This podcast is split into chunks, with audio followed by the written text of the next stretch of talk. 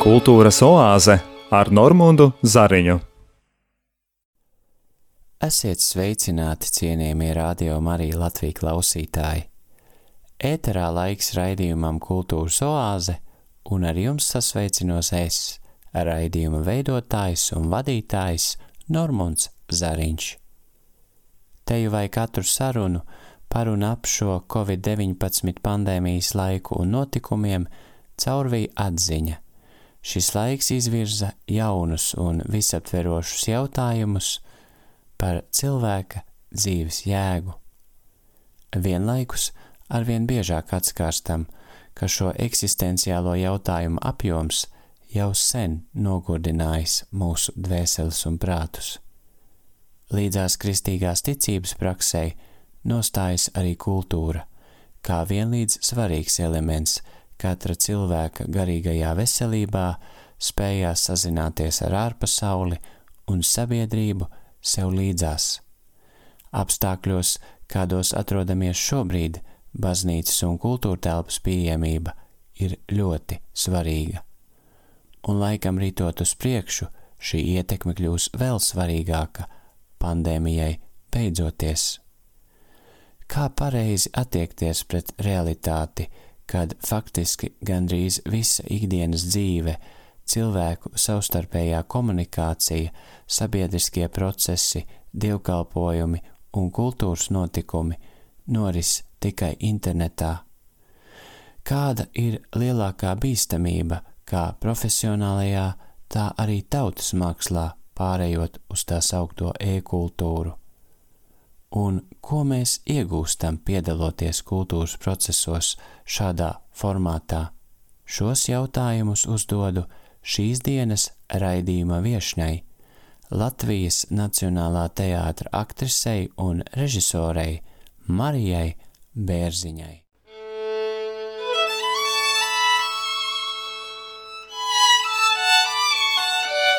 Kultūras oāze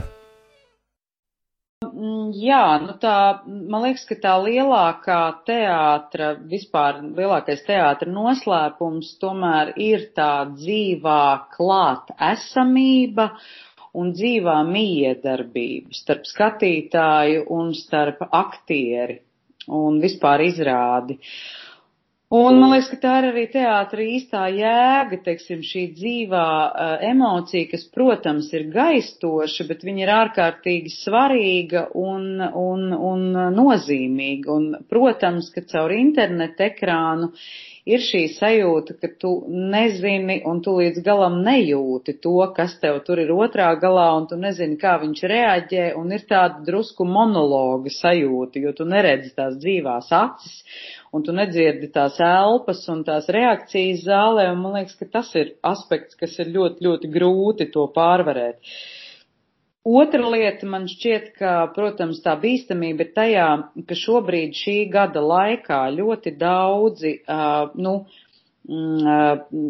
teātri gan Latvijā, gan pasaulē ir izlikuši savus darbus, tā teikt, apskatēji, bet eh, ļoti bieži viņi to ir darījuši vai nu bez maksas, vai nu par ļoti minimālu samaksu. Un man jāsaka godīgi, protams, tā bīstamība ir tajā, ka cilvēks var pie tā pierast, tā, nu tad jau kultūra mums vienkārši tāpat dāvina, nu tad, teiksim, tad, kad eh, ārkārtas situācija beigsies, tad mēs arī negribēsim par to maksāt. Uh, Tur es tiešām saredzu lielu bīstamību, jo šobrīd, kā mēs zinām, gan, teiksim, Luvras muzejs ir izlicis savu ekspozīciju, apskatē internetā, gan arī Metropolitana opera liek, nu, protams, par kaut kādu minimālu summu, bet tomēr ļauj noskatīties savus izrādus. Un tāpat arī, teiksim, Latvijas Nacionālais teātris, kur es pārstāvu.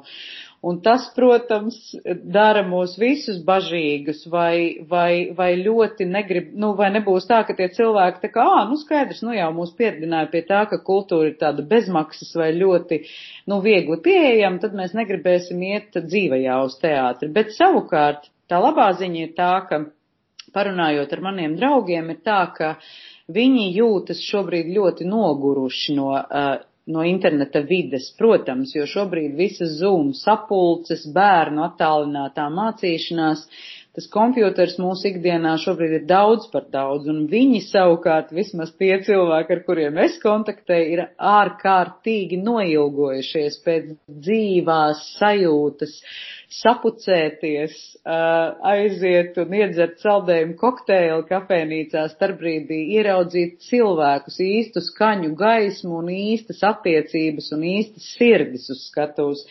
Tā kā es ļoti ceru, ka tomēr teātra skatītāju mēs zaudējuši nebūsim. Protams, vēl viena bīstamība ir tajā, ka šobrīd visi teātri gatavo izrādes, un tad, kad nu varēs, nu, spēlēt viņus, tad, protams, tas piedāvājums arī būs ārprātīgi milzīgs, un visticamāk, ka skatītājs arī šai milzīgajā piedāvājumā ļoti apjuks. Uh, bet nu mēs jau ceram, ka nu tomēr katram teātrim ir tā sava publika un mēs ļoti, ļoti, nu tiešām varam tikai cerēt un ticēt, ka mēs savu skatītāju pazaudējuši nebūsim.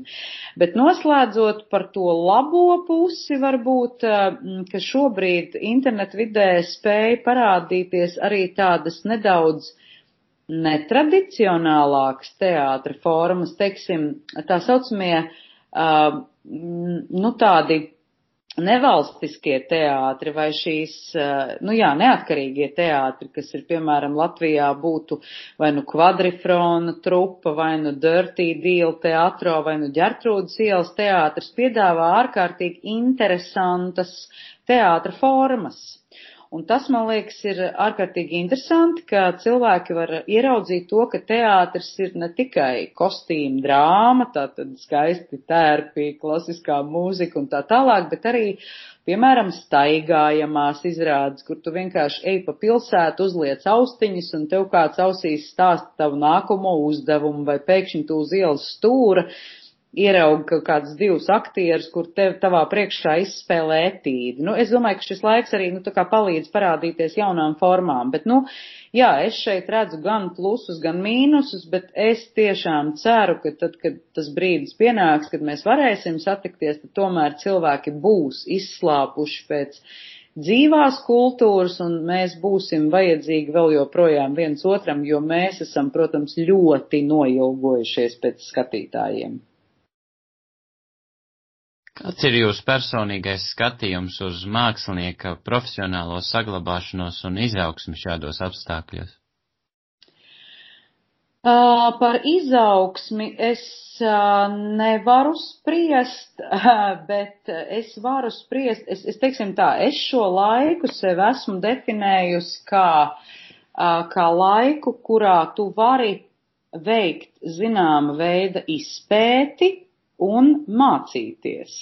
Nu, piemēram, tātad uh, manā gadījumā ir ārkārtīgi interesanta situācija, jo, nu, lai cik tas dīvaini nebūtu, um, es tieši pirms Covid sākšanās, nu tātad uh, atgādināšu, ka Latvijā šī situācija sākās pagājušā gada 12. martā, es faktiski biju izlēmusi, ka man tiešām vajag pauzi, jo mana situācija bija tāda, ka tieši iepriekšējie pieci gadi man bija ārprātīgi pārsātināti. Es beidzu maģistrantūras studijas režijā un uh, uzrīkoja arī milzīgus pasākumus, uh, kā piemēram spēlmaņa nakti, tad, kad tā bija pēdējo reizi, kad tas varēja notikt dzīvajā. Uh, Un tas viss prasīja ārkārtīgi daudz man enerģiju, spēku un laiku, un eh, es vienkārši sajūtu, ka es esmu iztukšot. Un es tieši biju tā kā, nu, man bija tāds, faktiski šis bija paredzēts kā pauzes gads, tāpēc es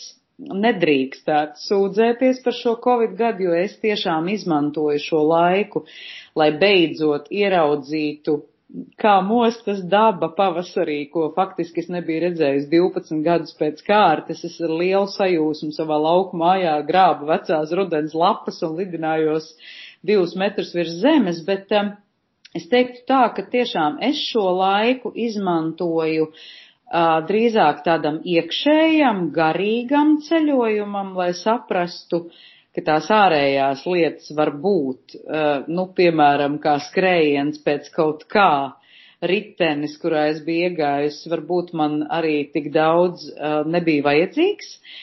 Un, protams, arī, nu, teiksim tā, šī ir domāšanas tāda, nu, tāda, nu jā, domāšanas maiņa, tāda paradigma maiņa, kad ir jāiemācās funkcionēt savādāk, kad ir jāiemācās būt, jāsaka, arvien vairāk radošam. Un tajā brīdī, kad tu nevari satikt to savu skatītāju klātienē, tātad tev ir jāizdomā, kā piekļūt pie viņa nu, caur internetu vai arī kaut kādā citādākā formā.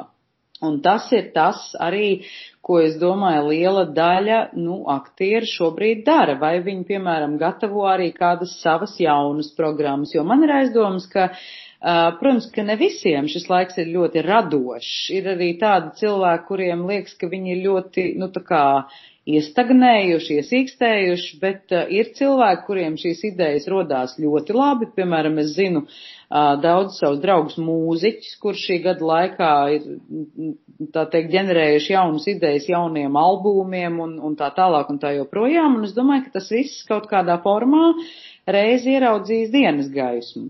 Es tiešām nezinu, vai tā ir ārkārtīga, nu tāda milzīga attīstība, bet domāšanas maiņa tā ir un mācīšanās tā arī absolūti ir.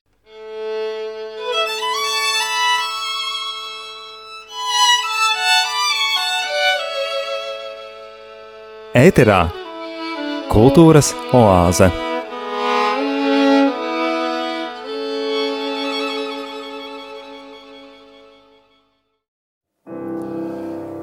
Šis ir veltīts visiem teātra ļaudīm un muzikantiem, kuri šobrīd nedrīkst uzstāties.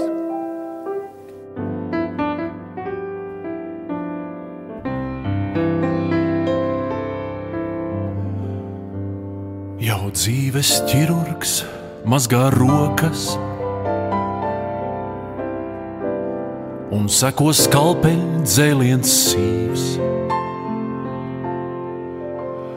Lai slavētas tās īstās mokas ko cilvēks cieš, lai būtu dzīves. Lai slavētas tās īstās mokas, ko cilvēks cieš, lai būtu dzīves. Un atkal atdzīvojas debesis, un maziņš zilgans taurenīts man debes balsī saka nebēdz. Uz turieni man lido līdz. Man debes balsī saka nebēdz. Uz turieni man lido līdz. Sipturienes un neturienes ķiķinās un elž. Un mani sevi pašā ienes. Un tikai tagad sākas ceļš. Un mani sevi pašā ienes.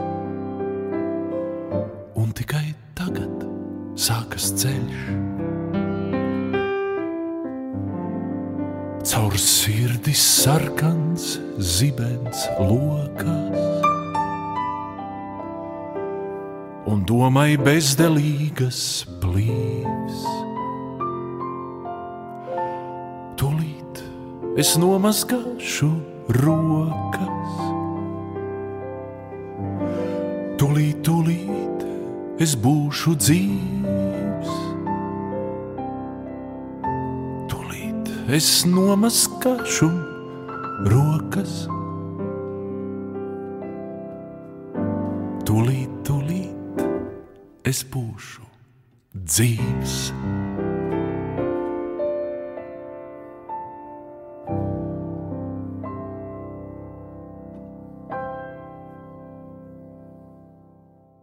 Aktrises un režisors Marijas Bērziņas dzīvē kultūras košums un intelektuāla bohēma atklājas jau agrā bērnībā. Viņas vecāki - tēvs aktieris Andris Bērziņš, māte aktrise un tulkotāja Lenvija Sīle. Marijai patīk vakarēt jēgpilnās sarunās pie vīna glāzes, dzējas, mūzikas un dziesmām. Aktrise par sevi saka, ka esot absolūts gaisa un svētku cilvēks. Aktrises un režisors profesija prasa lielu fizisko un psiholoģisko atdevi, tāpēc jābūt kādam atsvaram, jāliek sevi režīmā. Bez disciplīnas neko daudz nevar izdarīt. Sarunu turpinām par aktiera un režisora profesiju. Nu, es piedaru pie tiem cilvēkiem, kuri, um, kuri domā, ka aktieru profesija tomēr ir dzīvesveids. tas ir aicinājums. Un man liekas, ka tas ir tik skaisti, ka mans hobijs vienlaicīgi var būt arī mans darbs. Un par to es tiešām jūtos ļoti, ļoti uh, svētīta. Bet man liekas, ka tā sajūta ir tāda, ka tad, kad tu mēģinot atrodi, vai tu šajā gadījumā, nu, teiksim, es dotajā brīdī mēģinu palīdzēt aktieriem, ja tev ir, nu, teiksim, ja tev ir radusies kāda ideja, kas iedegas tavā galvā, un ja tev ied, nu, izdodas paskaidrot un iedot iedvesmu tam aktierim, ka viņš ar tavu ideju aizraujas, un ja jūs ieraugat no tā kaut ko interesantu, kas izšķidas, tas ir tik nu, es teiktu, dievišķs akts, nu, tas ir tā kā nedaudz jau mēs darbojamies kā tādi demiurgi, kā tādi radītāji, un man liekas, ka tas, nu, mūsos rada tādu ārkārtīgi priecīgu sajūtu, ja izdodas atrast kaut ko, jo tā radošuma lieta ir tāda ļoti trausla, protams, bet es mēģinu, nu, jā, man, man vienmēr liekas, ka jebkurš radošais process ir tāds, tāds, uh, protams, ka ir dienas, kad, kad, kad šķiet, ka nekas nesanāk, jo man liekas, ka aktieris kā tāds ir ļoti uh, interesants uh, vispār savā būtībā, jo, jo šī te dubultā lieta, kas aktieros ir, uh, no vienas puses tā, protams, ir tāda nedaudz, nu, tas aktieru egoisms ir diezgan liels, jo, ja viņš stāv uz skatuves, tad viņam vajadzētu uh, būt kaut kam tādam, nu, viņam liekas, ka varētu kaut kas viņā patikt, nu, tādā ziņā, ka viņš uzkāpj uz skatuves, bet no otras puses tās aktieru šaubas mūžīgās ir nebeidzamas. Tas, ka viņš apšauba pats sevi, ka viņš regulāri sev netic. Un tad mans darbs faktiski ir tāds drusiņš šobrīd viņu iedrošināt un likt viņam noticēt pašam sev.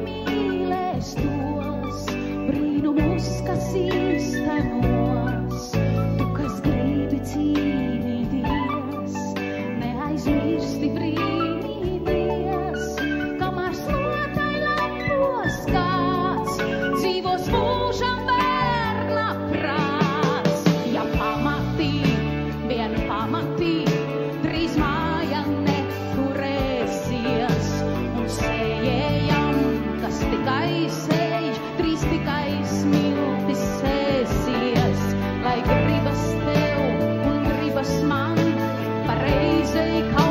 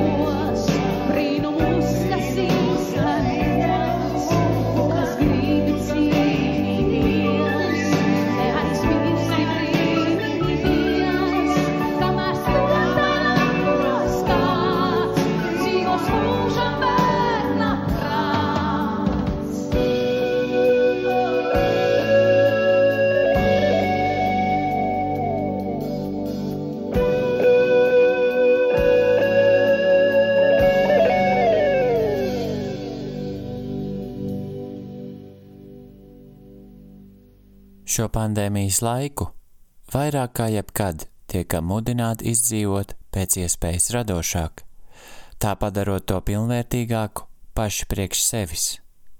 Taču kultūras nozares profesionāļiem šī formula var šķist arī kā sloks. Beidzot drīkstētu atļauties sevi nepārslogot, atbrīvot sevi vietu jaunām idejām. Kultūrai vajag ne tikai telpu, bet arī laiku, kurā tapt lēni un pārdomāti. Nepieciešamība būt pārmēru produktīvam, reaģēt ātri, pārslodze, nogalina radošumu, pārvērš mākslu par vieglu izklaidi, tā vietā, lai ļautu tai atklāt eksistences sarežģītību, ļautu mums labāk saprast un iepazīt pašiem sevi un citam citu. Pandēmija ir skarbs apgādinājums tam, ka laiks ir privilēģija, un diez vai jebkas šo fundamentālo uzstādījumu tuvākajā laikā spēs mainīt. Vai ir arī šim laikam piemērotas dzējas rindas? Tur ir cik interesanti, ka tu man uzdev šo jautājumu, es aizdomājos par to un patiesību sakot, es esmu ļoti priecīga, ka tu runā tieši par dzēju, jo dzēja manā dzīvē ir ārkārtīgi daudz nozīmējusi jau no skolas laikiem, jo es ļoti daudz lasu dzēju, un arī tad, kad es vadu pasākums, tad es izmantoju dzējas rindas, un man liels prieks, ka šobrīd notiek arī tāda dzējas renesanse, tāpēc, ka ir tapušas daudz dažādas programmas. Es skatos, ka arī, teiksim, mani kolēģi, gan Andris Keišs kopā ar, ar, ar Raimonu Pauli ir uztaisījis programmu, kur arī cer sagaidīt savus skatītājus ar Ojāru Vāciešu dzēju. Tāpat, protams, Kaspars Notiņš ar Imantu Ziedoni, eh, Vilis Daudziņš ar Vili Plūdoni un tā tālāk tā joprojām. Un man, eh, es te šķirstot savas dzējas grāmatas, nokļuvu pie Imanta Ziedoņa atpakaļ, un tas ir ļoti interesanti. Es tiešām varētu tad nolasīt vienu dzējoli, kas man likās ļoti piemērots. Uh, un dzējols ir šāds un tikai lūkšana ir stiprākā no mums, kas vienīgā pie mīlestības prasās. Cits it nekas, ne spēks, ne pienākums, ne graudu ceļ, ne koku zaļās vasās, bet tikai tas, kas mīlestību lūdz. Uz visām pusēm tikko acis vaļā, Nu, tā arī žēlojas un raud un sūdz, tāpēc, ka pietrūkst kaut kas zemē zaļajā. Bet to nevar atdabūt ne spēks, ne naids, ne arī taisnība, kad pienākas un prasām, ne arī izmisums vai žēlīgs vaids, bet tikai stāvi te starp zaļām vasām, šai agrā rītausmā vai pusnaktī un lūdz. Un tālas smaržas skaņas kopā jauksies, un nevar būt, ka kāds aiz tālās rūts, tik patām tāls un pilns tev neatsauksies.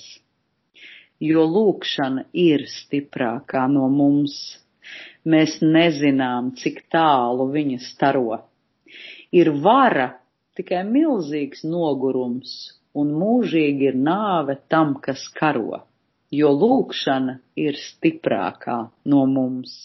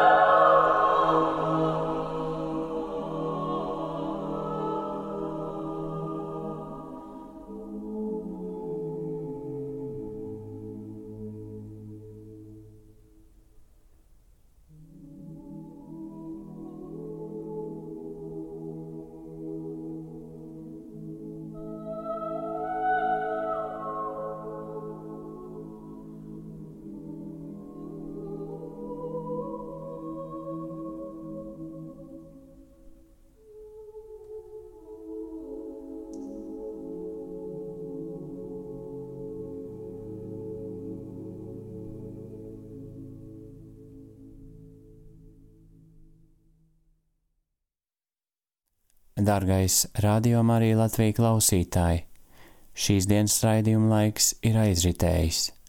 Paldies par kopā būšanu! Uz sadzirdēšanos maija mēneša 3. otrdienā, pulkstens 17. kad tiksimies ar Latvijas evaņģēliski luteriskās baznīcas arhibīskapu Jāni Vanagu.